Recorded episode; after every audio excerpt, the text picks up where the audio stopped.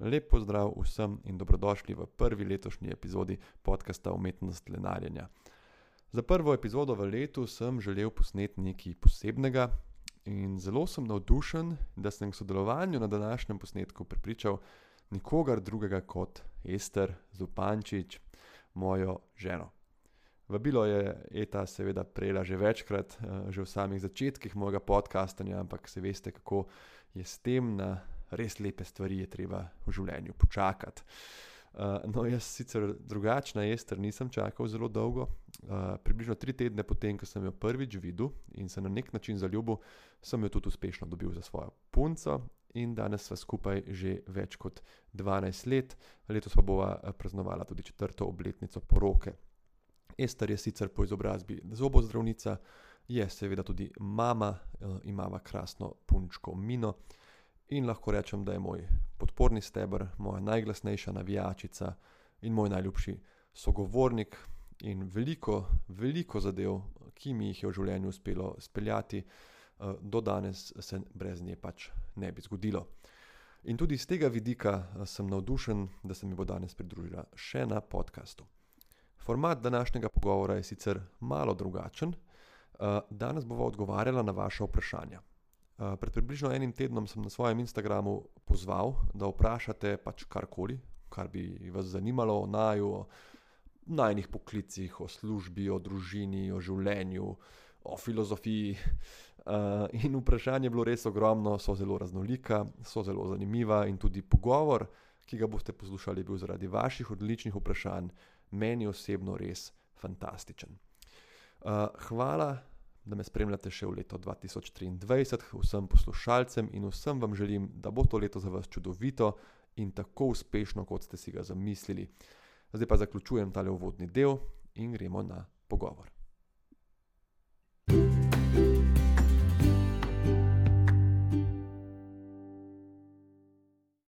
Živijo, Ester. Živijo. Kako si kaj? ja. Malo sem nervozna. Ja, vem, ja. Uh, zakaj si pa nervozna?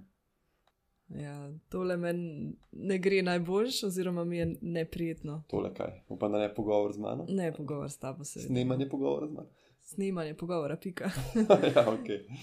Ja, se vem, vem, da ti je malo to, uh, ko bi rekel, ni tvoja stvar najbolj, ampak če tako pogledaš, sva skupaj dala čez faks, pa šla sva na podeželje Zambije, pa enega otroka, ki je bil star nič minut, sva dobila in je pač preživel in sva ga malo zgodila že in tako. In v bistvu ta pogovor ni tako strašljiv kot kakšne druge stvari, ki so jih že zmagale. Najbrž da ne.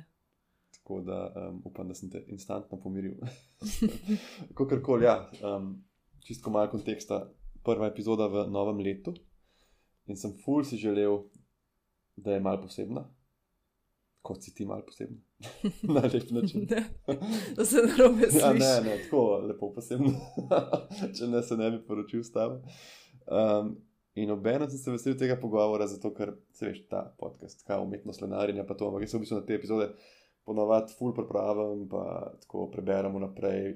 In danes bo dejansko ta pogovor meni še najbolj blizu tega naslova, ker s tabo se pač meni full preprosto pogovarjati, full se rad pogovarjam dobila sva super veliko vprašanj, fulj zanimivih.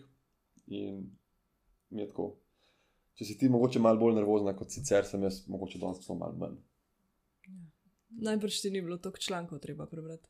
Ne, v bistvu sem prebral nič člankov, čeprav zdaj izgleda, da jaz fulj člankov berem, ki se mi je tako pohvalil. Um, drugačih ne toliko. No. Ampak bral sem pa, preletel sem ta fulj zanimiva vprašanja, ne vsak, ker jih je fulj pa bomo šla malo čez, pa bomo videli um, malo mal o zdravstvu, o zobozdravstvu, o življenju. No. Kar kul cool so. No, pa, predvsem, ko sem rekel, da boš z mano, sem v fulano dušenih komentarjev in tam je bilo ful lepo. Ljudje si res želijo videti, uh, spoznati tudi kaj tebe. In kot si, re, si, si že rekla, da ti to ni tako prijetno ponavadi, ne če ne bi te že tako skozi objavljal. Mislim, to se tudi narobe sliši. V bistvu bi te skozi vabil za sodelovanje na mojem Instagramu, tudi računam. Ja, se verjetno zato je pa zanimivo, ne? ker to knajo z mino ne izpostavljaš. Ja, sta tako, taki uh, ja. ekskluzivni. Tako. naslednja, naslednja gostja bo mina. Mina. uh, upam, da ona ne bo v takem stresu. Drugač, ko sem um, objavil, da boš ti z mano, pa da bo odgovarjal na vprašanja, sem rekel, da lahko vprašajo karkoli, da sva drugačen zdravnik, zobozdravnik, zobozdravnica, da sva starša.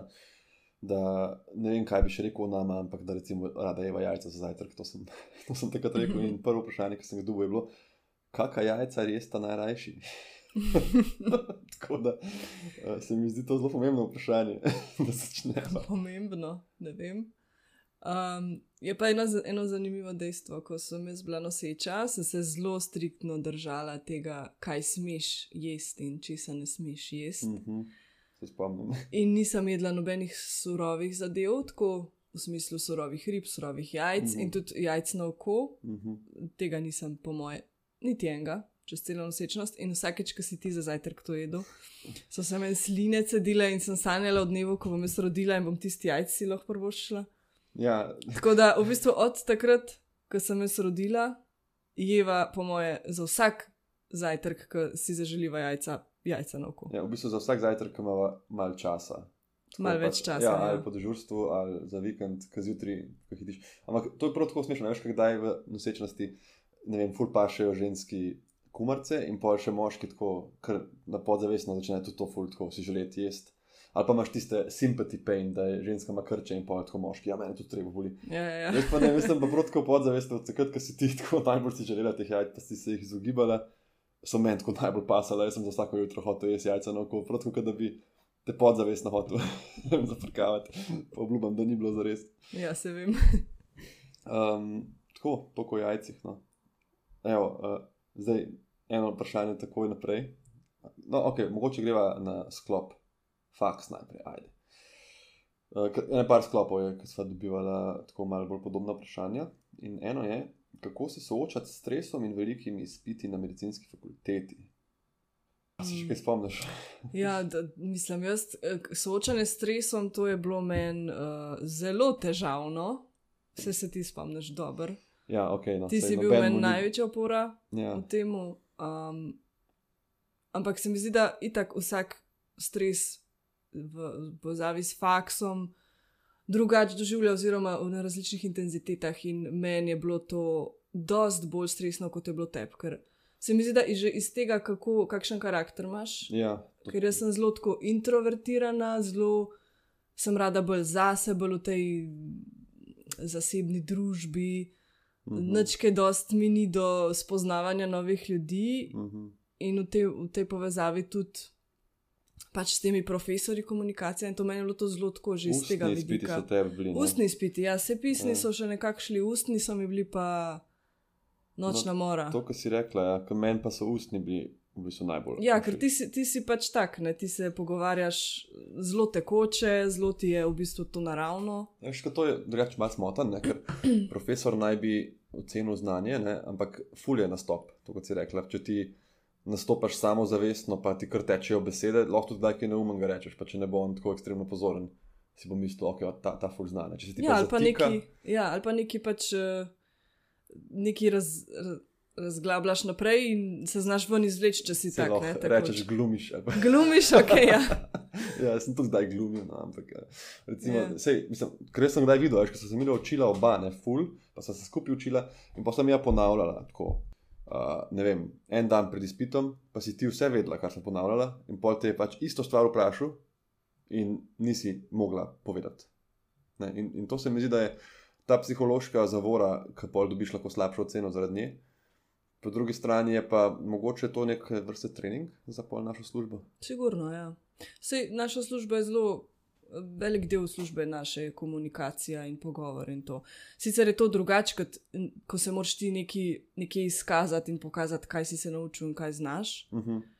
Kot pol, ki si s pacijentom in nekako mu probaš približati, kar ti že veš in kar si že usvojil večkrat. Ja, malo vloga so malo obrnjene. Tako, v bistvu, ja, ja. Pri pacijentu si ti kot no, nadrejeni, ampak ti, ti, si autori, ti si avtoriteta, ti si uradna oseba. Ne, in, uh, ne dokazuješ njemu v bistvu znanja, ampak mu skušaš, mislim, super je, če verjame, da veš, ker ti bo zaupal. Ampak on te ne ocenjuje v resnici, on sam upa, da bo pač. Moče deluje drugače na privatnem sektorju, če greš k enemu, ki mu ful plačaš, boš najbrž razmišljal, a on spozna. Ampak um, ti si tam tisti, ki mogoče ima pacijent tremo, da te spozna. Čeprav ne vejo to pacijenti, da imamo mi tudi kdaj tremo. Ne? Če pa ti, ti delaš z otroci, najbrž malo uh, mal drugače to, kot pri nas. Ja, mislim, imaš pa tudi starše, ne, ki jih moraš Ja. nekako pripričati, da si ti dost kompetenten za to.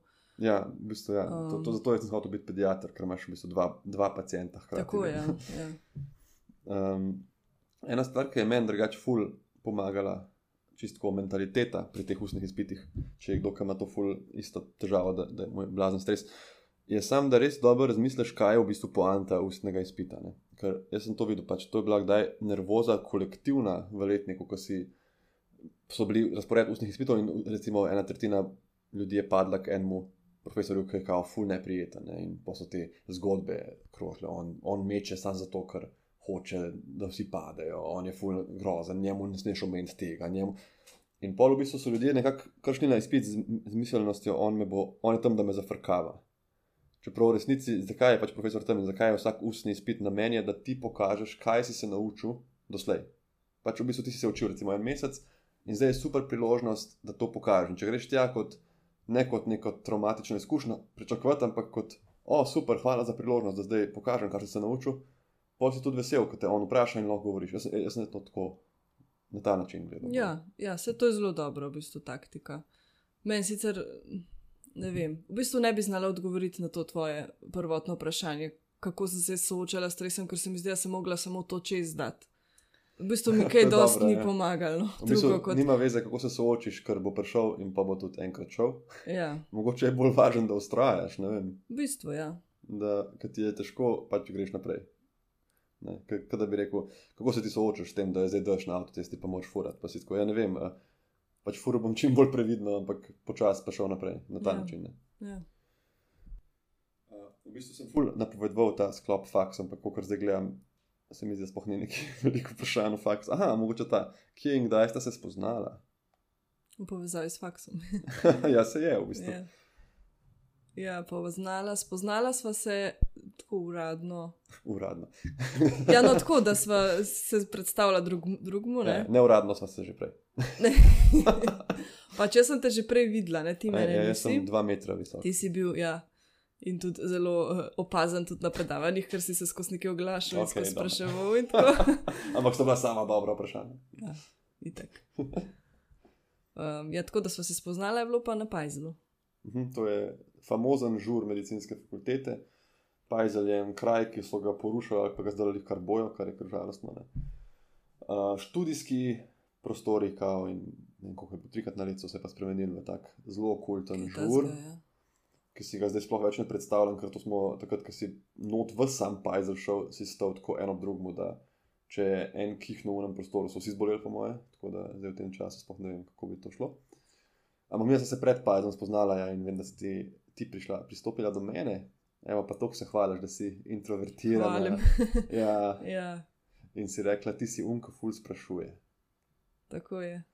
Uh, in jaz sem, meni je to ful zabavna zgodba, zato ker dokazuje, da če si tako geek, pa sediš v prvi vrsti, pa si prebereš vnaprej um, stvari, pa pol ful dviguješ roke, pa mogoče dobiš od punco zaradi tega. Um, vem pa, da takrat, ko si prišla do mene in si to rekla, in sem te jaz videl, sem bil tako, ok, to je pač, meni si bila ti tok, tok lušna punca, da se prav spomnim, ko sem se kar tako mal strezno, ker takrat sem mal pila nekaj piva. In sem, sem si tako rekel, ok, zdaj moram biti pa čist presep, pa vse narediti pravilno. Uh, tako da je to bilo lušno. No. je lušna zgodba, taka mal izven enih karakterjev, se mi zdi, da sva oba. A to, da si Takrat- ti uh, ekstrovertirana, pa da sem jaz strezen. Tako je. Upam, da ne. ne, ne. ja, je malo izven karakterja. Ker, pač, če bi jaz rekel, kako bi pričakoval, da sem se jaz poznala, bi zihar rekel, da sem te jaz nekje videl in si jim všeč in sem prišel do tebe in ful veliko govoril. Ja, ja. In pa se ti bila tako, ajde, pač naj pove, bomo videli.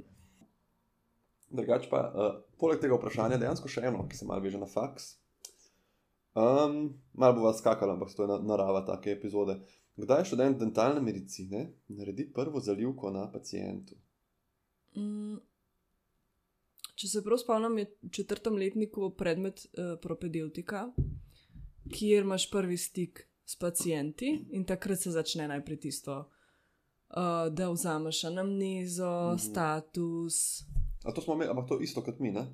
Ali, Mislim, to je No, ta- zobo- zobozdravniška anamneza, zobozdravniški status. ja, a, a niste imeli vi iste Smo imeli tudi propedeutiko, internistično propedeutiko, ampak, ja, ja, ampak tudi eh, to stomatološko propedeutiko. Propedeutika je drugačen tako za ljudi. Uh, tudi za, za, za študente medicine prvi stik s kliniko je to, da pač priješ ti na oddelek in se učiš, kaj moš vprašati bolnika, pa kako ga pregledati. In vi ste imeli pa to še svojo. Mhm. In si pač, a to se na, na kliniki stomatološki. Na kliniki, že, ja, in In, takrat potem- si tudi delo zalivke. Takrat si pa v bistvu naredil, kar je bilo potrebno, in ponavadi so bile to kakšne zaljubke. No. Ja, pa to je res meni ful smešna zgodba. Pa, ne vem, si mi ti to govorila takrat. Ali, da, da, da pač, če en pride na stomo, na stomatološko kliniko, k te- nekemu specialistu, pa je tako. Ja, ne vem, jaz rabim tle te zalivke, pa to pa uno, pa on reče. Ja, v bistvu jaz imam, ne vem, pol leta čakalno dobo, lahko pa danes greš študentu, pa ti študent naredi. Ja, to sicer ne vem, če, če jih za to epizodo za javno razlagati, ampak ja, tako nekako gre. Ja, nekako se mora naučiti. Ja, mislim, da on je pač ful stomatološki- zaposlena, ne, ta mentor najbrž in ne more toliko ljudi Ja, sprejeti. tam na stomatološki kliniki so uh, specialisti zaposleni, Mhm. vsi, ki so zaposleni tam, so specialisti neke stroke. Mhm. In večinoma je tako, da ti pacijenti, ki pridejo na vaje, so v bistvu napoteni strani svojega osebnega zobozdravnika, ker je precenil, da on tega ne zmore, oziroma ne vem, nima toliko časa, da bi naredil malo obsežnejše stvari, ali pa so to kakšne zahtevnejše. In pač pošlje k specialistu, in potem ti specialisti imajo toliko teh pacijentov v čakalni vrsti, da za nekatere rečejo, da, da lahko grejo na vaje.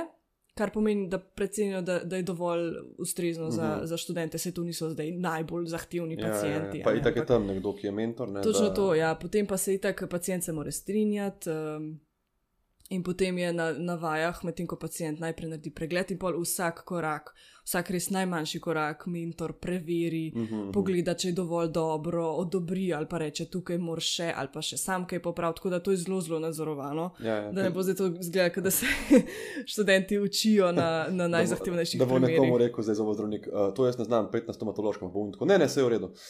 jaz bi raje bil prvi. Ja. Uh, se študent tako ni še odgovoren sam, ne, tako da Ja. yeah. ne more sam uh, tega narediti. Tako da um, je pa ta vajalnica, jaz sem nikoli nisem bil, sem pa videl tvoje slike, tako ful, uh, ful enih stolov, teh zobozdravniških, ali nisem Mm. ful, ne, vem, deset, koliko jih je na kupu in pol. Taka uh, zanimiva, zanimiva zgledana. ja, zanimiva izkušnja za pacijenta, sigurno. Mislim, tako podobno je bilo meni enkrat, ko sem bil na vajah iz urologije in sem pač tam bil, ko je pri enem urologu in je prišel v klinični center en bolnik, kako kao, ne vem, neka, kaj je imel, boleča ejakulacija ali neke take težave in je urolog meni tako, da je ti pa zdaj pač njemu potipati prostato. Jaz sem bil študent, nisem še nikoli v življenju tudi tipot prostate, ne vem, moj prvi rektalni pregled, ok, grem, ne.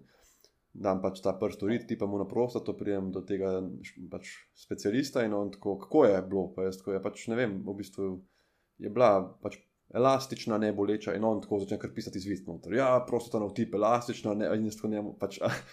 Hvala za zaupanje, sem pač, jaz sem prvič v življenju to probavam, veš, lahko prosim, mislim, pet mu še ti dati prst urit, pa probi, ker jaz ne bom tle se podpisal, da je to res, ne, kaj če ima on v resnici raka, pa jaz še nikoli tega nisem znal delati. Ne. Tako da uh, je, mislim, to vključevanje študentov, pripravnikov, vsega v delo se mi zdi v naši službi tako fulje nujno, ampak res, res je nujno, da je mentor, da se pobriga ne, in, mm. Kot si rekel, vsako stopno preveri, konec koncev je tudi on pod spodaj podpisan pod to. Mm. Mhm. In zdaj je v bistvu navezana na te pogovore, ki jih imamo. Eno vprašanje, če bi Ester lahko izbirala, David ostane zdravnik ali postane natakar. Natakar. Odkje pa ta ideja? Pazi, v oklepaju, plača je ista. Tako Uh, da razmislim, ali bi bil natakar za plačo mladega zdravnika ali ostanem zdravnik. jaz bom vedno trdila, da David je ustvarjen, oziroma da nekako um, je poklican ali pa da mu je zelo, zelo pisano na kožo biti zdravnik. Ja, tle neki. No, Zmajuje z glavo. Dokončaj misel. ja, mislim, lej, če bi ti rekel, meni uh, moja uh, življenjska želja je, da bi stregel Coca-Colo do, do konca, bi si rekla, itak da pol na takar. Ne? Ampak um, ker se mi zdi, da ti res uh, dobro funkcioniraš v službi, kjer imaš stik z ljudmi, kjer lahko nekaj narediš in se to pokaže kot uh, vem, koristno, ali pa da pomagaš človeku. Da te to v bistvu izpolnjuje, in da vidim, kakšen prideš domov, da kako na, navdušeno razlagaš o svoji službi, kaj si tistemu pacijentu naredil, da danes si pa punktiral, da danes si pa meningitis prepoznal, ker vidim, kako ti žarijo oči, pač to je to. Ne, to je, Ja. ne gre samo za denar, no, tu je tukaj tudi, kaj delaš vsak dan in kako se ob tem počutiš. Tako da jaz mislim, mislim, jaz bi takoj rekla zdravnik. Mhm. Um, seveda pa zdaj, če bova razglabljala še naprej o stanju in razmerah, to je pa pol druga zgodba. Ne? Ja, v bistvu, po mojem, je malo bilo tudi tako iz vidika vprašanje, da bi imel malo bolj predvidljiv urnik, Ja, ja. malo manj obremenitev, ker to je pač zelo lepo, kar misliš in to si mi že tudi parkrat rekla. No. Um, in jaz, a veš, tudi se strinjam, se jaz se opazujem in jaz vidim, da me to veseli in da bi to rad delal. Pa sam ob teh razmerah, ki jih imamo, sploh mogoče zdaj po COVID-u, skozi bolj razmišljaš, to, do, do kam si pa pač pripravljen še ja, delati. ja, seveda, ja, se to je pol drugo vprašanje, ko v bistvu moraš tudi malo pri sebi razčistiti, eh, koliko je. Koliko te to pomeni, oziroma koliko si pripravljen sebe dati in uh, svojega časa za, za službo, ki je konec koncev samo služba. Zdaj, če bi izbiral med natakar in zdravnik, bi jaz še zmeraj rekla zdravnik. Okay. Ja, cool. Pa, pa bom mogoče zaenkrat še ostal uh, zdravnik. Pa gremo malo iz zdravnika na zobo zdravnika, sploh tebe. um, a lahko mal ta mit o strupenem Floridu pretresete? Jaz ne vem, jaz te- tega mita ne poznam drugače. A si si slišala? Ja, to je taka fama, kot kaj jaz vem, i- da cepljenje povzroča avtizem. Ne vem Mhm. mm -hmm. točno, kje se je začel. Um, ampak se mi zdi, da itak, to je tako vprašanje, kot a je strupen paracetamol. Seveda je, če ga ti vzameš, ne vem koliko. Ne? Uh -huh. Če vzameš celo škatlico, ne boš pač preživel najbrž. Tudi Ampak kaj- celo. Ja, seveda. Ampak ja. Poanta Florida je pa kaj zdaj? To je v zobnih pastah, ne? ja Ali je tudi vzodnih- v vodi pri nas? Ali to je nekje? Ne vem. ne vem, mislim, da ne. ne vem, ene Nekaj države. časa so. Ja, ne, eni, eni dodajajo, ja, mislim, da. Ameriki, Pri ej, nas- ne vem. V zobnih pastah je oglavno. Ja, v zobnih pastah je točno v taki koncentraciji, kot je precenjeno oziroma dokazano, da učinkuje, ampak ne ni strup. Ja, ja, ja. Ne? Se pravi, ne fluorid ni strup. Če si umivaš zobno pasto s fluoridi, ne boš zastrupil možganov. Uh -huh, Uh, je zelo koristno, ker v bistvu se ugrajuje v sklenino in uh -huh. pač je to dodatna zaščita proti kariesu. Tako da to je uh, nekaj, kar bodo vsi zobozdravniki vedno priporočali. Ja, kul. Cool. Uh, Maja sprašuje, kaj je Ester najbolj všeč v poklicu kot zobozdravnica. Mm, Prav najbolj všeč od vseh, najbolj všeč. od vseh čudovitih stvari. Je po mojem rezultatu, ne? kako ti Aha. popraviš zob, ki je pač kariozen, ki je Mhm. pač ne glih za videti lepo. ja. In je potem na koncu lep in bel, in potem tisto zboliraš, in pacijent je vesel. To je pač tako, ne. Ali pa najbrž, če priješ na kakšen kontrolni pregled, pa ti pove, da, te, da ga ne boli več. pa Ja, da si mu v bistvu odrešil Ja. težave. To je no. tudi v medicini najlepše. V bistvu, ja. Ja. K, kdaj si dežuren, pa narediš tako par odločitev, pa polita greš domov, pa recimo vikend, pa priješ v ponedeljek in pol jaz vedno za določene bolnike grem gledati za nazaj, pol kaj bo naprej. Ne? A sem pač, a se je on slabšal, a je bila ta bakterija izogrena, a ne, in pa vidiš, recimo, da si naredil ful dobro odločitev.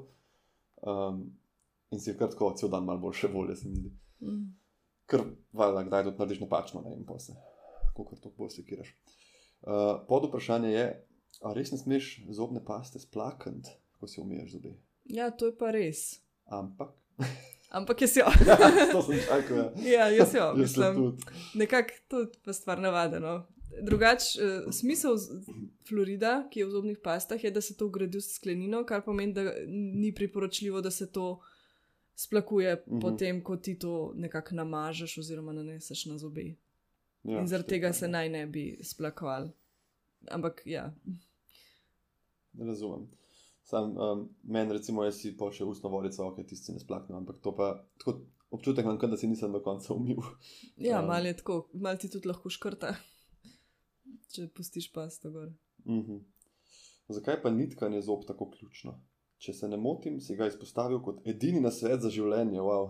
To ne vem, Ja. če sem ga tako na ta način, ampak sem poudaril, ja, uh, ja, kaj je. Ja, to je tudi v tistem govoru od Buzz Lermana, ali, ali kdo je že to napisal, uh, Wear sunscreen. In Ja. ja. potem je tudi, eh, eden, to so kao na sveti za življenje, Aha. Eden je tudi floss. Ja, ja, ja. In to je, zelo, ja, to, je, to je zelo tako. Ja. v bistvu je to nekakšen self-care oziroma uh, osnovna higiena, ki jo bi priporočil vsakmu. Zato, ker uh, ščetkanje ne, ne, ne očisti vseh površin. To je mm -hmm. pač odgovor na to.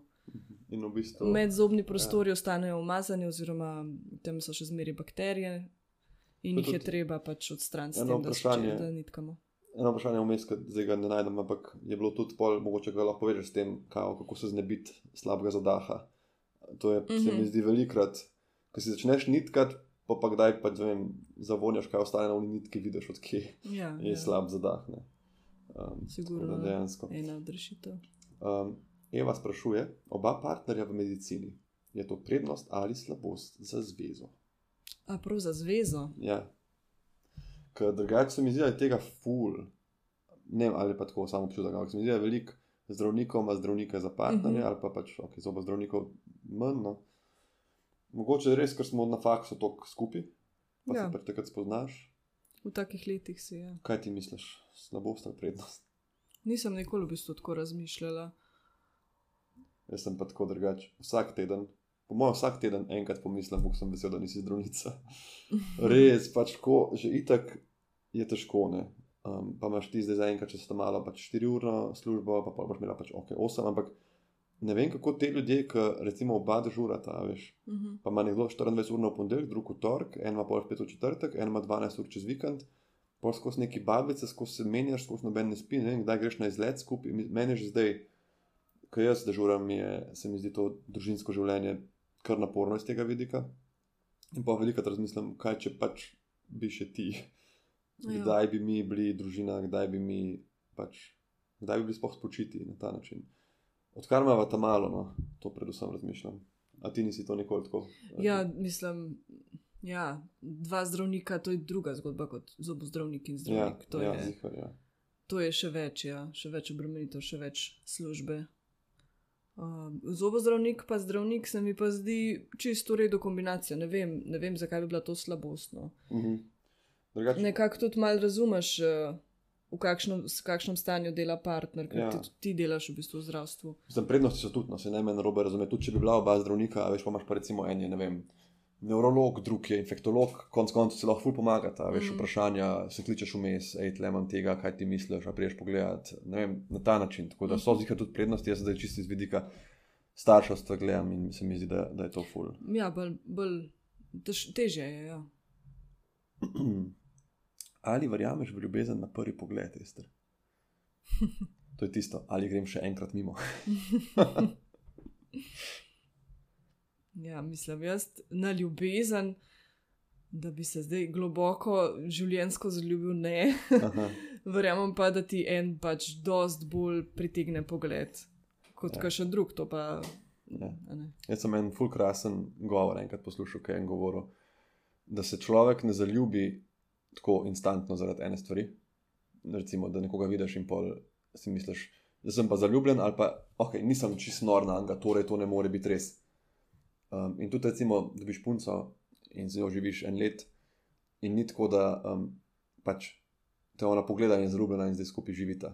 In pa ljudje po dveh tednih recimo rečejo, to, to ni to, jaz ne morem biti s tabo, ker ne čutim ne vem, iskrice.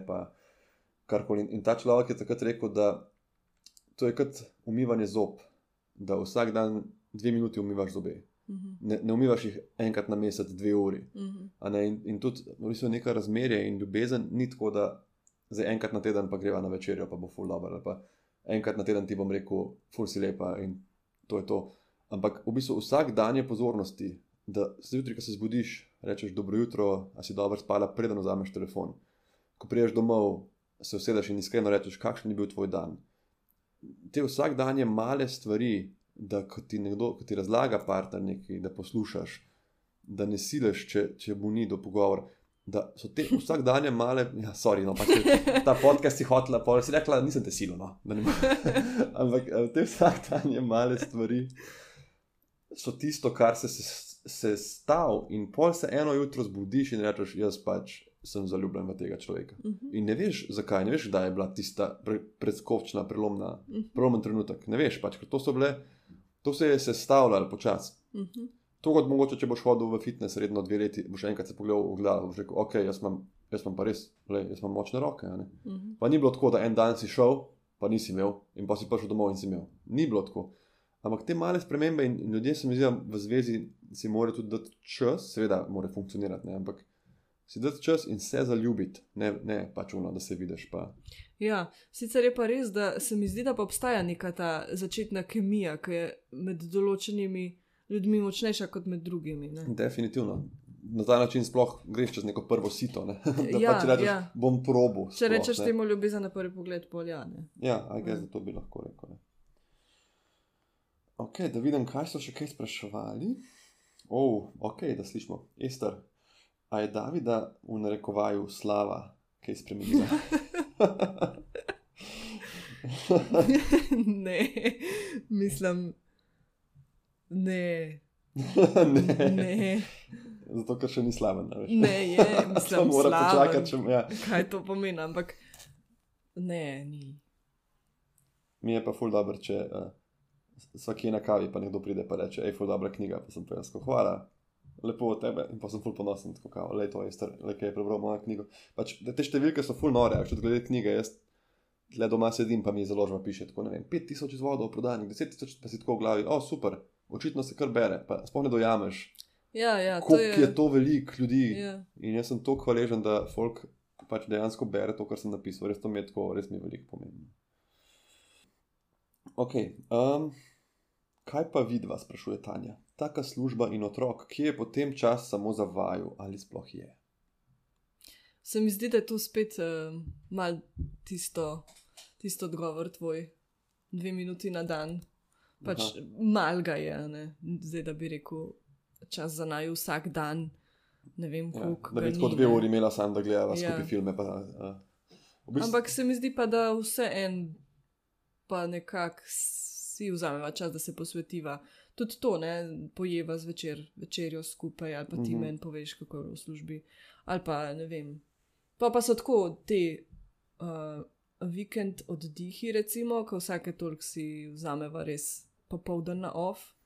Ja, dobiva eno, eno, eno varstvo za uh Mhm, -huh. ta malo, uh -huh. in mhm. potem greva recimo na kosilo ali pa mal po mestu ali pa tako. Ne, to, Ja, to je ful lepo. To je ful, Ker ja, ful varstvo, pa greva lahko večerjo ja. Je pa tudi ta nek čas, ki zdaj, ki imaš družino, ni več samo pač čas za najo, ampak jaz tudi gledam tako naš čas skupaj. Družinski, Če smo ja, mi dva ja. tako sediva tle, te igralnici srednjevne, pa mina mal pleza po meni, pa mal po tebi, pa tam neki poje, pa neki hotokol, pa se mi da še vedno pač lahko pogovarjava, pa družba, pa je to full lep čas, pač ni zdaj striktno naj, ne bova svojih Mhm. najljubših filmov gledala, pač ne bova se tam strastno poljubljala, ampak je to nek družinski čas, ki ti tako neskončno pomeni. Ne? Tako da iz tega vidika. Jaz bi rekel, da v resnici um, pač sva manj skupaj, kot bi bila, če jaz ne bi delal nočnih.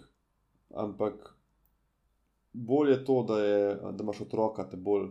Sploh se spomnim takrat tik po rojstvu, v začetnih mesecih, se, se tisto spomniš, sem imel jaz kar krizo, ker se mi je zdelo, da v bistvu sva samo mi dva za mino in sva Mhm. kot neka sodelavca, da bo ta mali buhtel Ja. preživel pa zrasel. In ni tle najne tako une povezanosti, kot prej, da imamo dolge pogovore, da smo skupaj, da uživamo. Da v bistvu so bila en, ali en spal, pa bil drug z njo, ali drug spal, pa bil z njo, pol smo šli okoli, pa smo jo hranili, kdo jo bo previl. Tako. Se mi zdi, da je to kar standardno po rojstvu, Ja. da se to veliko parom zgodi. Ampak se to potem nekako tudi otrok mal zraste, mal se, uh, mal se ga lahko da v varstvo in pa je to lažje. Ja, zdaj je že fulaži. Ja. recimo.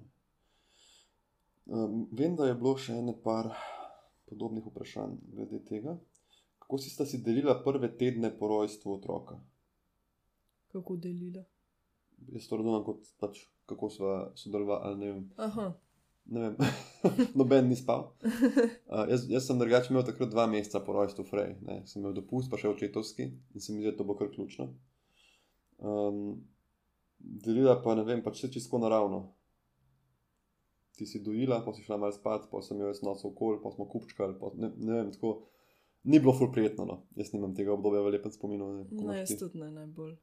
Tudi zato, ker je bilo ta situacija s tem stanovanjem, ko so nam, nam fasado menjali oziroma prenavljali. To, ja. Uh, tle je bilo vse zagrajen, rulete smo imeli skozi spuščene, tako je bilo no, dost, naporno je bilo tudi tako z tega vidika. Ja, ful, ja. Tle je lahko to pod vprašanje od Tjaše. Katere stvari so vaju kot novo pečena starša najbolj šokirale, kar se tiče dojenčka in otroka? Po mojem, to, da na začetku nekako smo, mislim, da oba pričakvala, da, tudi lahko nekako, da bomo vsi skupaj družno počivali, pa tega ni bilo do ne vem, petega meseca, po mojem. Ker nisi mogel. Jaz sem mal mislila, da bo mi dva njo lahko malo spala, pa bomo vsi skupaj šli spat. Ja. Ampak v bistvu to na začetku ni tako, vsaj pa nas ni bilo. In do petega meseca se pač mina, v bistvu je spala tako ali ali v nosilki, ali v rokah, da si, če si odložil, je bilo pa jih tako, ne deset minut, pa se je pa zgodilo. Zelo je hotla biti. Tako da to, to je bilo, ja, to je bilo meni najbolj naporno. V bistvu. Po drugi strani pa hočeš dati to bližino, ko veš, da je psihološko ful dobro za njo, da jo ima. Ja. In pol tam sediš. Reč, evo, iskreno, v prvem mesecu po rojstvu mine, sem jaz pogledal več serij, kot v, po mojem letu ali pa dveh letih prej. Ker se spomnim, pač ti si recimo šla spat za par ur zvečer, jaz sem si tam okoli devetih zvečer naredil eno ogromno tuško kavo in pa sem pač jo nosil po stanovanju, malo flaške, malo to in pa je zaspala na ročju. In ni bilo šans, da jo jaz odložim, če sem jo odložil, začela jokati. In pa sem sedel pač na kavču, obrnil sem jo tako, da je ni ta modra svetloba v oči sevala in sem recimo od 11 do 2 gledal serije, pa se je hotla podojiti, sem jo nesel te, pa je pač to par ur spala tako sama. No. Ampak to recimo to bližino, pač, mislim, nisem, nisem je mogel dati z roko, no, to je tudi mene kar šokiralo. Druga stvar je bila pa, tako, pač, meni je bilo ful težko, res ful težko, ko se pojavi še en človek, ki ga imaš toliko rad in za katerega te toliko skrbi. Ker prej sem bil jaz, pač tako skrbite, če tebe kaj boli, če si bo, bolan, pa pač za, za te me je skrbel, ker si kdaj ne šel na izlet, vem pa si tam neki v. Veliki Britaniji ste šli s puncami, pa si se nekaj zastrupili s hrano, pač take stvari. Ne? Po irski. V Irski. Ja. Ja. In pa pride pač ta otroček in je pač rumen in se nekaj zvija, in pa si tako, ima krče, a to, a je kako, a ni, a more. Jaz sem bil krživčen takrat. No. Jaz zdaj pri drugem otroku računam, da bom bistveno manj, vsaj upam. No. Ampak to, no, jaz sem vmes sem pomislil, zakaj sem zdaj ustvarila še eno bitje, ki ga tako obožujem, da me lahko zdaj za njega skrbi. Uh mhm. -huh. Pač to mi je bilo tako. Uh mhm. -huh. Ampak to, to ni bil announcement, prosim. česa. Drugega ja, otroka. Ja, ne, ne bom na podkastu tega najprej povedal, brez skrbi. Uh, na, boš ti kakšno vprašanje izbrala, uh -huh. da nam sam jaz malo poskroli, pa fulje dobrih. Ali skupaj trenirata čuječnost, menite, da lahko par funkcionira, če to trenira samo en partner? Uh, mi dva drugače velikrat skupaj meditiramo zvečer. Mi smo imeli eno obdobje, ko smo kar vsak večer, ja, se mi zdi. Ja, to se mi zdi tako. Eh, ne bi rekla, da je to zdaj um, ključno za to, da, da, da funkcioniramo kot par, je pa sigurno ne, za uh, osebno rast in potem tudi posledično pol kot, kot par, pol fajn funkcioniraš. Ampak je pa to ful, uh, fajn vaja za v bistvu sproščanje, za nekak.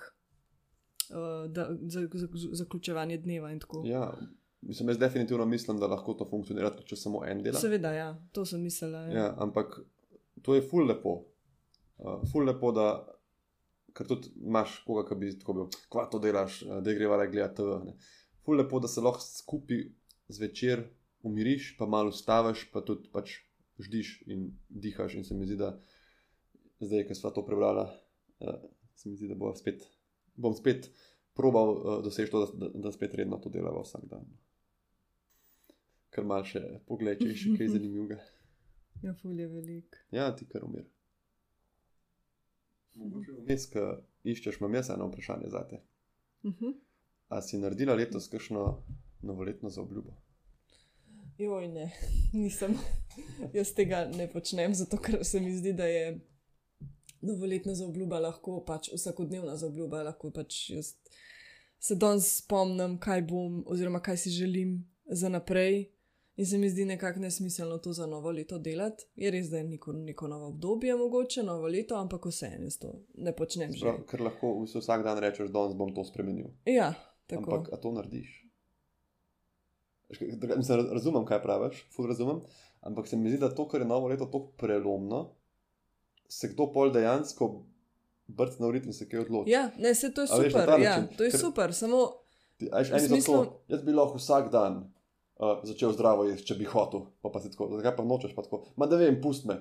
Ajš, pa pa prije nolet pa je on tako, ok, jaz že full da hočem zdravo jesti, evo, s prvim januarjem, se pustimo, zdaj, koliko ljudi se to drži, jaz samo vem, da je v mojem fitnessu full gužva, zdaj v zadnjem tednu bila, pridejo tisti novi. Um, in jaz pač moja stvar, ki sem rekel z novim letom, res, da bom začel malo spet trenirati. No. Uh -huh. In druga stvar, da bom malo manj delal te stvari ob službi.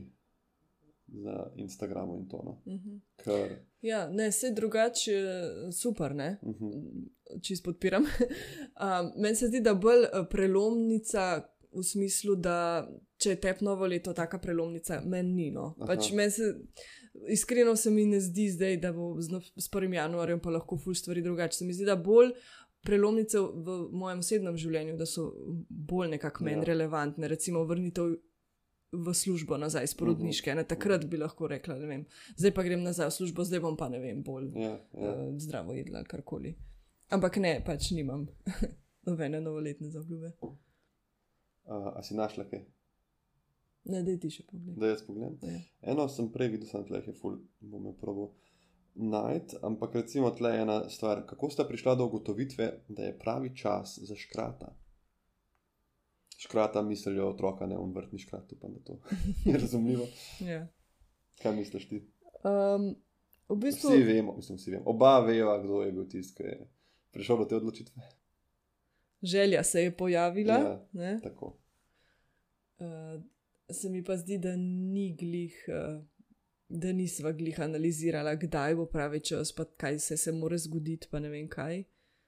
Nekako se želja pojavila, in pol sva rekla, da je vane. V bistvu se mi zdi, ti si bila ful, tako se mi zdi pripravljena. Mislim, bila si, zelo si si želela, jaz sem si pa želel, ampak sem se ful bal. Jaz sem, jaz sem bil bolj tako racionalno, kao, Uh -huh. ok, zdaj jaz rabim specialističen izpit, doktorat, um, hiša brez kredita, pač urejen vse v življenju, da lahko dobim otroka, psihično moram biti miren, spat moram dober. Kaj da bom kdaj v lifeu, pač kaj da bo kdaj v lifeu res vse tako se sestavljeno. Ja, In jaz rad, ko me kdo vpraša, kdaj je čas za otroka, uh, povem, da se mi zdi, da je to tako, kot je rekla Roza Luksemburg za revolucijo, da zmeri je prezgodi, ampak če čakaš popoln čas, pa nikoli ne pride. uh -huh. Da ti moraš narediti nek ta leap of faith, moraš reči, mislim, da bo šlo. Konec koncev pa, ko otrok pride, itak nimaš izbire, pa za njega moraš biti najboljši, najbolj miren. ja. Mislim, in potem sine. Tako da um, iz tega vidika se mi zdi, da težko odgovoriva za vsakega posebej. Jaz lahko samo rečem, da moraš biti pogumen, pa si pač upati. No. Ja, pa želeti, to je pa prva To stvar. je pa prva stvar. A ja, pa ta, ne, da ne probaš rešiti razmerja s tem, da imaš Ja, no, otroka. to pa se mi zdi, da Jo, je že kar... jaz tako pač, brez da se hvalim, se mi zdi, da imamo mi tako eno najbolj povezano, pa lepo razmerje, ki ga poznam, ki si ga lahko predstavljam. Res, jaz sem s tabo ful, tako odprt, vse se zmenjava, nikoli se tako res ne skregava. In celo nama se mi zdi, da je bilo tako težko vmes. Ne v smislu, da se bo rašla, samo tako, pač težko ti je, ker nimaš časa, tako kot sva rekla, en za drugega, da se uležeš na kavč, pa se objemaš dve uri, pa pogovarjaš o življenju, ampak pač guraš skupine. Mhm. In če greš ti, če si tako, ne, vem, če tvoja zveza trpi, pa si tako, da ima zdaj otroka, da se bo povezala, se mi zdi to tako najslabša ideja na svetu, res. Ja, se, se mi zdi, da to ljudje ne delajo več, da mal. Že, Ja, že, ne. so že bolj zavedni glede tega. Upam, da res je. Mm, da vidimo gor. Kako si delita hišna opravila, to rajš ne bova odgovarjala. Uh, oziroma, a imata zunanjo pomoč, drugače mava, mislim, pri- si plačava, da kdo prije enkrat na mesec čistiti. No, to ja, to tako, privoščiva. da res eh, čisto vse, sproti pa potem mi dva. Pa imava veliko pomoči. eh, Kar se tam malo tiče, ja. ja. ja, to pa res je. Uh, kako skrbite za vajen odnos? To pa me prav zanima, a ti tako kaj zavestno delaš, uh, da sem jaz, če sem slabše volje ali če sem. Da si, da, si-. A je kaj, kar si ti tako rečeš, jaz bom to delala, da bova imela lepšo zvezo? Ne vem, jaz drugače ne vem. Ne vem, koliko to tebi sicer pomeni, ampak jaz večkrat tebi stvari urejam. V smislu čistih praktičnih stvari, ne, da ti perem, da ti Ja, u- da uredim, ne vem, da ti perilo zlagam. Pa to Jo. delam res čistko. Pa, ne mislim zdaj to, da je, ne vem, Da je to že žensko pravilo. in Ja. Da, ja. pač ni me doma. Ja. Ja. Pridem iz dežurstva in je sveža postelina in je, mislim, to meni reč ful pomeni. Res. Um, da je nekako, ker pač ob tem, da sem še zdaj pisal, pa nastopil, pa dežuril, pa dejansko na eno stanovanje ne bi bilo tako lušno in urejeno, če ne bi ti se to um, angažirala za to. No? Mhm. Uh, Ja, pa tudi tako, ne vem, da ti kdaj naredim zajtrk, ko priješ Ja. iz službe, ali pa rečeš, ne vem, prihajam, pa ti začnem, ne vem, vnaprej peč jajca na oko. o, to je najboljše. ja. To je ful, eh, veš, kaj je lepo, če si v zvezi, ki veš, da je medsebojnega spoštovanja toliko, da ni treba skozi biti v glavi vprašanja, a me ta človek izkorišča. A veš, če si ti tako malo ogrožen v nekem razmerju um, in pol tako pomisliš, čak jaz v bistvu že dva tedna samo jaz delam zajtrk, a se moram zdaj postaviti zase, pa se Mhm. skregati. Če imaš neko pristno zvezo, bo vsak sam po sebi prispeval nekaj, oziroma če se zgodi, da nekdo recimo res noč, je pol tle na mestu nek odprt pogovor. Ne? Ampak tudi kot je meni samo omenilo, da če bo šla ven ali pa kamorkoli, bom jaz nosil pač mino in vreče in iz trgovine in vse na to. Mhm. Um, pol, recimo, ko prijemeš iz dežurstva, pa si ti preoblekla posta, da bom lahko šel spat. Mislim, tako, take pozornosti. No. Ena stvar, ki se meni da tudi ful neguje odnos in kar jaz delam, je, da tako, ko pomisliš na neki, ko vidiš na te, recimo, te pogledam, pa si mi ful všeč, ali pa vidim, da imaš ne vem, da dišiš, da nekaj lepega, da to poveš. Mhm. Da ni tako v glavi, o, jaz sem to, ker sem vam to krvat, kako je danes lepa, ampak to, kar pač rečeš. Mhm. In se mi zdi, da to iskrenost v lepem, ne ker v, če te kaj zmoti, smo ljudje hitri iskreni. Ne?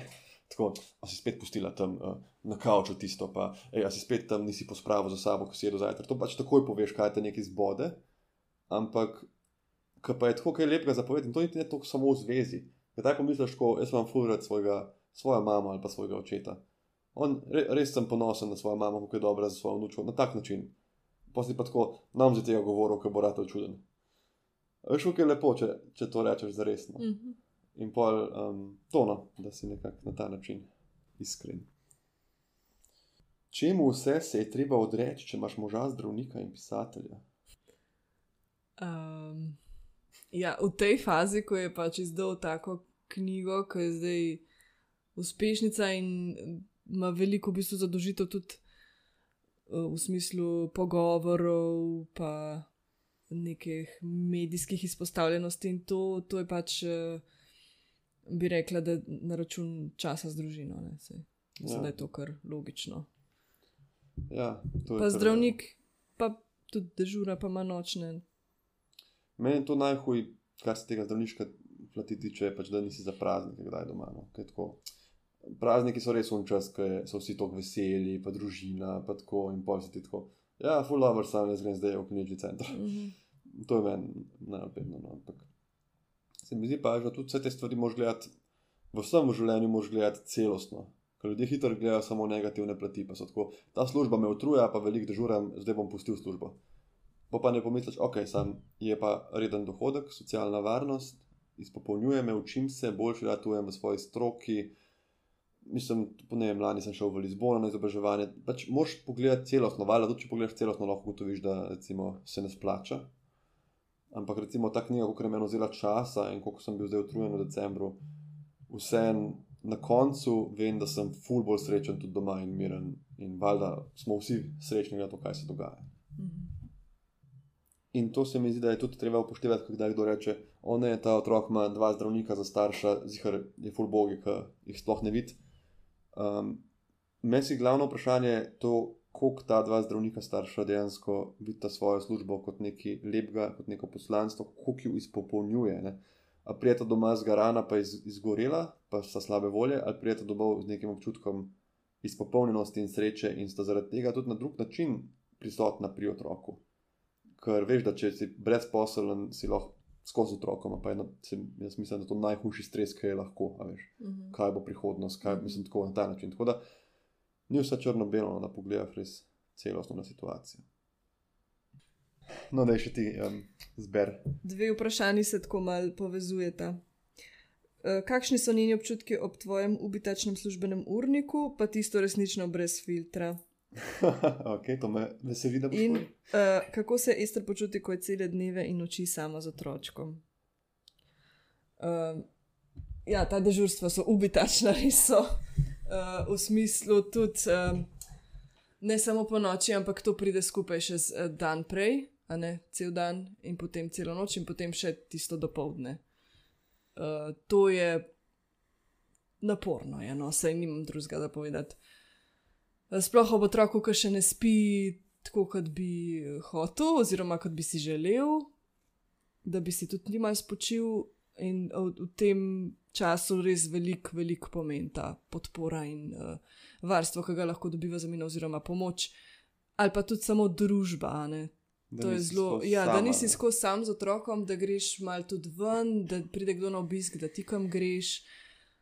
To se mi zdi tako nekako um, najpomembnejše, da razbiješ tisto rutino, da si samo doma in samo čakaš, da bo v bistvu partner nazaj prišel do imov iz službe, kjer je tok časa pa še prisoten. Pač pride utrujen. Mene, mene je tudi ful teži, da živim odkar ima mino. Večer prej grem jaz spat, ti z njo celo noč, ampak pač vse, če se ona razburča, ona kriči, ta stanovanje je malo, me zbudi, pol ne morem zaspati, me skrbi za vaju. Pridem v 28-urno izmeno, že utrujen, delam. In pa, ko pridem domov, bi rekel, to samo spati in imam tak beden občutek, da veš, ok, noč nisem bil z mino, že dva dni, a me sploh bo še poznala, jaz bi bil zdaj z njo a grem spat, počakam do večera, čez dva dni sem spet dežuren, pač res je težko, res. In zato pač tudi razumem, da obstaja prav pravno definirana pravica, da ti do tretjega leta otroka ne dežuraš. In sem kar mal jezen na svojo preteklost, preteklega sebe, da sem se pustil nekako prepričati, da bom to vse en počel. In ti povem, da še nikoli nisem imel tako nizkega spoštovanja do, do svoje službe, kot v trenutku, ko sem se začel tudi dotikata, veš, v te moje pravice, v smislu, da um, ne smeš koristiti tega, če si v kliničnem centru zaposlen. To se mi zdi tako neumno. Jaz bom dežuril še 20 let, veš. Uh mhm. -huh. A zdaj, če en let sem raje z družino, kot da tam spuščam dušo, je pa to taka razlika. No, to je res fulgardno. In to niti ne samo očetje, mogoče tudi mame, pa predvsem mame, tudi doživljajo v službi ta pritisk. V smislu, kaj se otrok bo že štirikrat na mesec lahko sam, zakaj ne boš ti zdaj tle dežurala kot prava zdravnica je pač zato, ker so v življenju tudi ene stvari, ki so pomembne in lepe, in ne vem, zakaj bi mogli biti skozi samo tako težko. Uh mhm. -huh. Tako da, ko pride drug otrok, bo nas spet ni. spet nič ne oznanjava. Ampak če pride kdaj, bom jaz se malo bolj postavil za sebe. No, to sem se že odločil. Ker to, kar si rekla, ti si sama z njo celo popoldne, celo noč in pol cel dan in še eno noč, in jaz pridem domov gotov. Ja, ker ne gre konec koncev samo za tiste, ne vem, 4-5 dežurstva, ki jih dobiš, ampak uh, za vse te dneve še okrog, ki si ti ali utrujen, ali se moraš spočiti, zato da boš funkcioniral. Ja, veš, Tako da je to pol na koncu nanese skoraj pol meseca. Pri nas na infekcijski pač niso to tri dežurstva na mesec, to so pet dežurstv, več kot en na teden. Veš, jaz, recimo, mm. se spoh, še ne spoh se še ne spočiješ, pa imaš že drugo dežurstvo in pol, recimo, imaš štiri dni in je že tretje, to je res, res je težko. No? In se tudi vidi pač ta pritisk razpada primarnega zdravstva, tudi pri nas. In mi delamo ful več in teže je, kot recimo, ko sem jaz prišel na kliniko pred štirimi leti. In zdaj v tem je, mislim, ne vem, mogel se bo nekaj spremeniti, no, ker te obremenitve so res zmeri hujše. No. Ampak, recimo, če zdaj malo obrnemo, nekaj sem se spomnil med tem, ko sem se to pogovarjala, uh, pa se prej nisem, ko bi pasal v vprašanje o skupni meditaciji. Jaz sem tep enkrat, ki si imela tudi te hude stiske, ne vem, z mino ali si začela službo sem ti predstavil eno meditacijo, ki je meni fully všeč uh, in to je meditacija uh -huh. z goro. Uh -huh. Ali bi malo delila to izkušnjo? to smo enkrat na kauču, jaz sem rekla, greva meditirati. Si ti rekel, imam eno fino novo meditacijo, ki jo lahko skupaj narediva. V bistvu si vizualiziraš, da si ti gora in uh, da si ti v bistvu ena velika mogočna stvar, ki v bistvu kljubuje vsem zunanjim vplivom vetru. Ne vem, mhm. recimo, če je zraven morje, ptiči, živali uh mhm. -huh. razne. In da ta, ta, pač ta gora preživi vse to, ne, ne vihte, vreme, bla, bla, bla. Ja, no, in to si pač ti vizualiziraš in je tako fajn, recimo, instantna nekakšna pomiritev, oziroma kar nekako se opolnomočiš. To smo s posnetkom delali, ja. ker drugače bi bilo težko. V bistvu ne, en posnetek te vodi čez to. Jaz v slovenščini ga ne poznam, no, oziroma sem rekel, da ga bom enkrat naredil. Je pa en super, drugače tudi ta mountain meditation se lahko naredi. Ampak poanta je to, kar si rekla, ja, da se poistovetiš ne samo s tistim površino gore, kjer je full premikanja in kjer žubori in kdaj je slabo vreme, kdaj je lepo vreme, kdaj se kaj podre, kdaj ne. Ampak s tistim notranjim mirom gore, ki ga ne more pretresti noč, tudi če so strele, tudi če je veter, tudi če je dež, tudi če nekdo pride pa reče, ta gora zgleda fulgrdo. Je znotraj mirna in uh, to tišino in mir skušaš ozavestiti, ja, in uh -huh. pol, ne glede na to, kaj se tebi dogaja okoli, to se mi zdi, da je te pomagalo, predvsem v teh nočeh, ki je Ja, to, to kričanje, ja, odrivanje. Tako, ja. Ko so Ne. kakšne težke zadeve z mino, se mi zdi, da se nekako res mi to pomaga, no, da si predstavljam to gora, sem, kar se zgodi, kar eh, od zunaj pride, mi ne bo pač strl tega no, notranjega, notranje moči. Ja, v bistvu je po- poanta oziroma cilj te meditacije, ki vam jo ful priporočam, kdaj, da jo probate, da ozavestiš, da imaš nek notranji mir, ki lahko ostane miren, ne glede na okolico. Lahko, dejansko, ne? ker ti kdaj rečeš, jaz ne morem več, le je vse se podira okoli mene, itek da bom znoril, vsak bi znoril. Lahko, vse je razumljivo, vsi imamo kdaj take trenutke, ampak lahko pa tudi ostaneš miren, ker ta notranji mir tega ti težko kdo oduzame. Če dava tako najbolj ekstremen primer, res ekstremen, Viktor Frankl, uh, v bistvu avtor logoterapije, NV, psihoterapije, je bil zaprt v koncentracijskem taborišču, on je bil žitne med vojno in on je v bistvu to logoterapijo razvil, kjer je nekako zagovarjal, da tudi v tem okolju, si predstavljaš žid v koncentracijskem taborišču, ki ti lahko vzamejo hrano, lahko ti vse vzamejo, ampak tvoje notranje dojemanje situacije ne morejo. Mm. Tako da um, se mi zdi to tako dobra stvar, da smo jo še omenili, da ne bova tle sam traumirala glede dežurstva. Ker spet stvar moš gledati polno, ne? tudi dežurstva pač dajo neke nadure, neko boljšo plačo, po drugi strani pa tudi nas je mal, obremenitve so hude in jaz imam občutek vseb, da prispevam malo reševanje krize in pač pomagam ljudem, ki mogoče drugače ne bi prišli do zdravnika, s tem, ko dežuram, kljub temu, da imam družino. Ne? Uh, malo se bliža eni uri, tako da malo gledam, kaj bi še lahko uh, rekla. Recimo, tale ne. Za Ester, kaj ti je na Davidu najbolj všeč? Tega moram zbrati. Ne? Ja, tako, če, pogle, če povem tako res celostno, bi rekla, tvoja inteligenca, tvoj smisel za humor, uh, tvoja ekstrovertiranost. A to ti je tako ful všeč, Ja, da jaz naročim uh, pice po telefonu. ja recimo. No, lepo, hvala. Um, mene tudi na tebi, če bi jaz odgovoril, bi rekel, da to, da si pametna, pa da si duhovita, to je kar tako ključno za vsakdanje življenje. Um, pa tako, ne vem, tako si ljubka, to je ena taka beseda, ki se mi pojavlja pri tebi, upam, da bo ta mara to podedovala. No.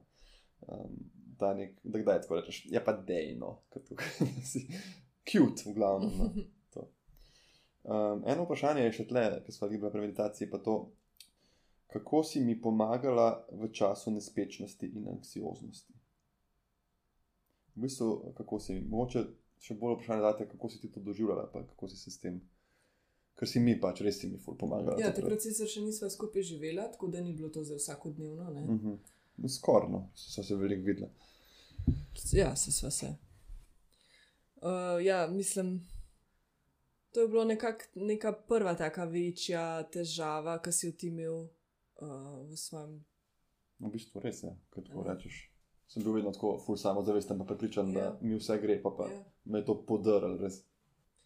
Tako da malo me je prizadel, ne? ampak uh, sem, sem pa nekako, uh, ko sem videla, v katero smer ti to rešuješ, ko si se posvečal raznim tem tehnikam sproščanja, potem pa, ko si bral veliko čuječnosti, o meditaciji, sem pač vedela, da boš ti to rešil, da boš, uh, mislim, da boš pre, preguril. No?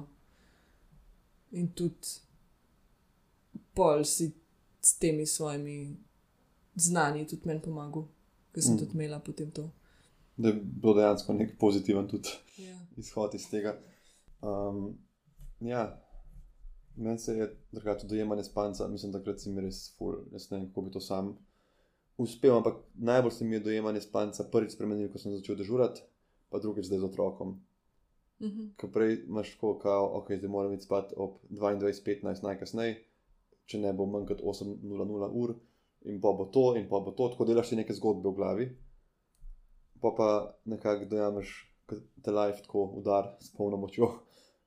Da spiš pač, ko si utrujen, in če boš zdaj manj, boš pa drugič več. In nekako ne smeš, ne smeš katastrofirati, ti mi to velikrat poveš, ko jaz spremem iz dežurstva, pa sem tako, jo, zdaj sem še dve uri, pa prijem mi na, ne vem, iz vrca, moram spati, zdaj takoj pa ti rečeš tako. Nehi zdaj sploh, pač nehi toliko planov delati, pa tako razmišljati, ker v bistvu nima vezene. To Mhm. računanje ur, to je meni najhujše. Jaz sem to še zdaj delam, pa pač probam ne. Uh, tudi po noč, ne vem, aha, če še čez dve uri, bo ena ura, da poliš dve uri. Bolj kot to spanje jemliš tam kot neko stvar, ki pride in gre, in kdaj pride lažje, drugič teži, lažje je spati, ne se mi zdi. Ja, in tudi psihološko ti je lažje to preživljati. Recimo, če si tok neprespan, pa potem ti samo računaš, ne vem, jutra bom, moram vstati za službo ob, ne vem, šestih. Zdaj imam samo šest ur, da spim, pa, pa popoldne, če grem za eno uro, pa bo to skupaj sedem ur, pa še zmeraj ena ura Ja, ja, ja. premalo, kje bom dobil to uro, ne, sploh Ker nima. moraš kar neko računico narediti. Ja, a- ni, ni to na koncu taka računica, ne. Ja, pa, veš, tako kdaj jaz sem enkrat šel, ful, ful se bil neprespan in naslednji dan sem šel na koncert Iron Maiden, tako čist neprespan. In cel dan, pa sem prišel domov spet ob dveh po noči sem dojel, da sploh nisem bil tako gotov čez dan, ker me je toliko veselilo to. Uh -huh. A veš, in da je tudi pogled na to drugačen. ne. Če vstaneš ob štirih, da greš na morje, boš drugače utrujen, kot če slabo spiš in greš v službo. Ne, valjda, ampak- Uh -huh. ne vem, mislim, ja, sej se mi zdi, da mi dva, kar se spanca tiče, sva zdaj kar v slabi koži, eh, v smislu dežurstva in otroka, ampak vedno si lahko rečeš, prihajajo lepši časi. Ja, in tudi lahko na kratek rok to rečeš. Ne, ne vem, imaš naporen teden, rečeš, prihajajo lepši časi, prihaja vikend. Ne, Ja, Recimo ti to. ne delaš, ja. danes nisi delal, jutri sicer delaš, ampak sva rekla, le v soboto imamo zase, bomo se lahko vsi naspali in je bilo tudi to nekako taka uh, odrešitev. No. Ja, ker to je fajn, tega, da imaš res povezano družino, funkcionalno, da veš, da v osnovi ne smo zdravi in se imamo radi. In pa pač pridejo neki težki časi, ne vem, se spomnim tedna, ker sem bil dvakrat dežuren, pa je bila mina bolna in pa si ti zbolela. In več sploh ne veš, kaj, kaj bi naredil. In si takrat sam rečeš, ok, zdaj je težko, potem bo pa spet lažje. Mm -hmm. Ker v osnovi smo, smo ful povezani in se imamo radi. In se moraš vrniti tukaj ta gora, ne, v neko resnico, ki je znotraj, v to, da veš, da zunaj je neurje, pa po tvoji pač po gori se valijo neki kamni, pa vse zgleda grozno, ampak noter je nek mir, v katerega se vedno potem vrne. Ne. Ja. In tudi, ko enkrat daš te težke, recimo, čase mim, ne, ne vem, da smo vsi bolni, pa mina dolg časa ni zdrava, pa dolg časa ne spi dober, se mi zdi, da pol, ko prideš enkrat ven iz tega, si lahko za vsako težko stvar rečeš, le, to smo preživeli. Uh, in je bilo na koncu vse v redu, oziroma smo prišli čez, Mhm. in tudi zdaj bomo. In tudi neke te afirmacije oziroma mantre, ki si jih lahko ponavljaš po noči. ne vem. Je težka noč, ampak vsi smo zdravi. A ne. Imamo dom, um, toplo nam je. Toplo nam je, ja. Um, Od moj otrok je prestrašen, ampak sem tu za njega. tako. V naročju se umiri, ker se počuti varno, na ta način. Ne. Ja. Neke take eh, splošne zadeve, ki so ti samoumevne, ampak takrat ti pa ful pomagajo. To je res. In tudi, ko si spomnim se, je bila ta mala stara, ne vem, tri tedne, spomnim se, sva v tej kuhinji, sva stala. In jaz sem jo gledal in kako je lepa, in to in si ti prišla zraven, in smo jo tako malo božali, in pa si ti rekla, kaj bo naredila, ko bo Buhtor zbolel. To, to, prav to si rekla. In sem si jaz tako mislil, ok, to bo absolutno neuzdržno. pač tega ne bova preživela. Kako je lahko tam na en mali, malo bitece, ki je tle zdravo, pa meni vse en tok skrbi, pa vse en ne spine. Kako bo polka bo zbolela, pa bo pač imela vročino, pa bo mogoče bruhala, pa bo mogoče slabše spala. In to, kar si rekla, "O, pa daš to čez in si spet sam sebi dokažeš, da vse zmoreš in da bo na koncu vse v redu. ne. In Mhm. Te mantre in afirmacije pa se mi zdi, da je tako sploh nek life hack za starše, ki mora biti. Um, ker najhuje je, da sam po noč govoriš, nikoli ne bo spala, najslabši spi od vseh dojenčkov, jaz sem tako utrujen. Pa tist, čez dve uri bi mogel spati, spodaj not prenesem, pa pol še 8 ur plus 2 uri, zdaj je to. Ja, to, to te pa v neko črno brezno Mm. mm. potegne, brez veze, mislim, ki si lahko nekako pre, pre, prekineš ta tok misli. In, Ja. Mislim, si ga moraš. Ne? ja, Če si ti sam doma, pa nekaj traumiraš, pa si jezen, pa lahko tam brcaš v pohištvo. Je drugače, kot če je ob tebi en otroček, ki te potrebuje, konec koncev, njegovo dojemanje sveta je zelo odvisno od tebe. A bo ta svet okoli njega za njega varen in miren, ali bo to svet, kjer je ta človek, ki mu vse pomeni in ki za njega skrbi, živčen, joka, dere se, konec koncev, bog ne da ga udar. A veš tako, ti si tam zato, in to je meni tudi pomagano, ker mogoče to kontraintuitivno, ko se rodi otrok, pa kar naenkrat nisi več ti glaven, veš, zdaj je on glaven, da se počuti v redu in to. Ampak to je nekako razbremenjujoče na koncu, da se pač manj, ko se ukvarjaš samo s sabo, pa več, ko pomagaš drugim, lepši je life. Uh -huh. In to ti otrok nekako ponudi. Um, za zaključno misel vam predstavljam, ministr Zupančič. Izvoli. Eno uro se že pogovarjamo. Ja, wear sunscreen and floss. SPF in nitke, Ja. pravi moja žena. Um, eno uro je šlo kar lepo mimo, meni je fulaver, ker sem dobil mesto občutek, da si se zelo sprostila. Mhm. A, a si gora. Tako, mogoče še kdaj kaj takega ponoviva, vprašanje pa ostalo veliko, ampak veliko je bilo podobnih. No. Se mi Mhm. zdi, da sem rekel, da bi se mi da pogovarjala, je vse, hotel, vse je zanimalo pač prvič, kako živiva ob dojenčku in službah, kako preživljate dežurstva, kako pač lahko, malo nekako v teh naporih, no, ki očitno na vzven zgleda, da imamo ful naporno življenje. Čeprav ni, mislim, je naporno, ampak to se veš, to je ta v prvi epizodi, ki sem bil zžigal tam pa o pozitivnem stresu govoril. Mhm. To so tako, pač mislim, neke sladke brige, ne. tako, o ne. Um, Knjiga, knjigo ful ljudi bere, pa imam jaz dogodke zaradi tega. Veš, Mhm. tako, a pa one eno čudovito punčko imam in zaradi tega mi moram posvečati čas. Mislim, vse te utrud, sam je lepo v resnici. ne. Ja, v resnici je to nekaj, kar si želiš ne, v življenju. Tako, ja. To je Naporno je, ampak eh, brez tega imaš pa manj od življenja. No? Oziroma, če si, to, če si to želiš, je to nekakšen izpopolnitev. Ja, to je res. Ja. Uh, boljše vprašanje kot, je moje življenje dovolj lahko, ali je moje življenje tako, kot si ga želim. Ne. Mhm. Sej, moš paziti na se. Um, in jaz sem z novim letom tudi začel malo, malo počasnevati, ampak konec koncev, ja. Lepe stvari so ponavadi pač tudi težke. ali za dosežeti, ali za vzdrževati, Mhm. se pa pol tudi splača, no, vse tako. Meni je pač sploh eh, mnogo lažje to, da imam ta družinsko življenje no, in da imam tebe in da imam te malo na koncu, um, je tisto, kar mi pomaga pri vsem. Tako da ja, um, imaš še ti kakšno vprašanje? ne. Je pa pa hvala ti, no, da si se opogumila. Ja, hvala za to eh, prijetno vodenje pogovora. Ja, glej, vse veš. Ja, mislim, da je to enajsti uh, podcast. Meni je to ful fajn, da bi jih še več posnel, sam si veš. Cajt pa to. Ne. Um, srečno 2023 vsem iz najnih, uh, vse od naju, iz najne strani. Mhm. Od naju, zdaj ste srečno. In mine, ja. Kaj? In mine. Ja, in mine od nas treh, ki ste jo mogoče vmes uh, kaj slišali zadnji, če ste zelo dobro poslušali, ker je sicer zdaj v domeni babice danes popovdne, ampak ste šli mimo. Um, srečno vsem in upam, da tisti, ki ste si dali kakšne rezolucije, da se vam izpolnijo v najlepšem možnem, uh, najlepši lepši možni verziji, pa da boste jih prav dirjali, jih prav počasnevali, se mazali s kremo, se nitkali, pa da boste še um, naprej poslušali nas. Ne? Hvala, Ester, Hvala, David. lepa si. Hvala. Enako. Uh, wow, hvala, da bo počasi zaprla ta posnetek. Um, vsi poslušalci, hvala vam za pozornost, imejte krasen preostanek dneva in se slišimo spet, če ne prej naslednji mesec. Čau.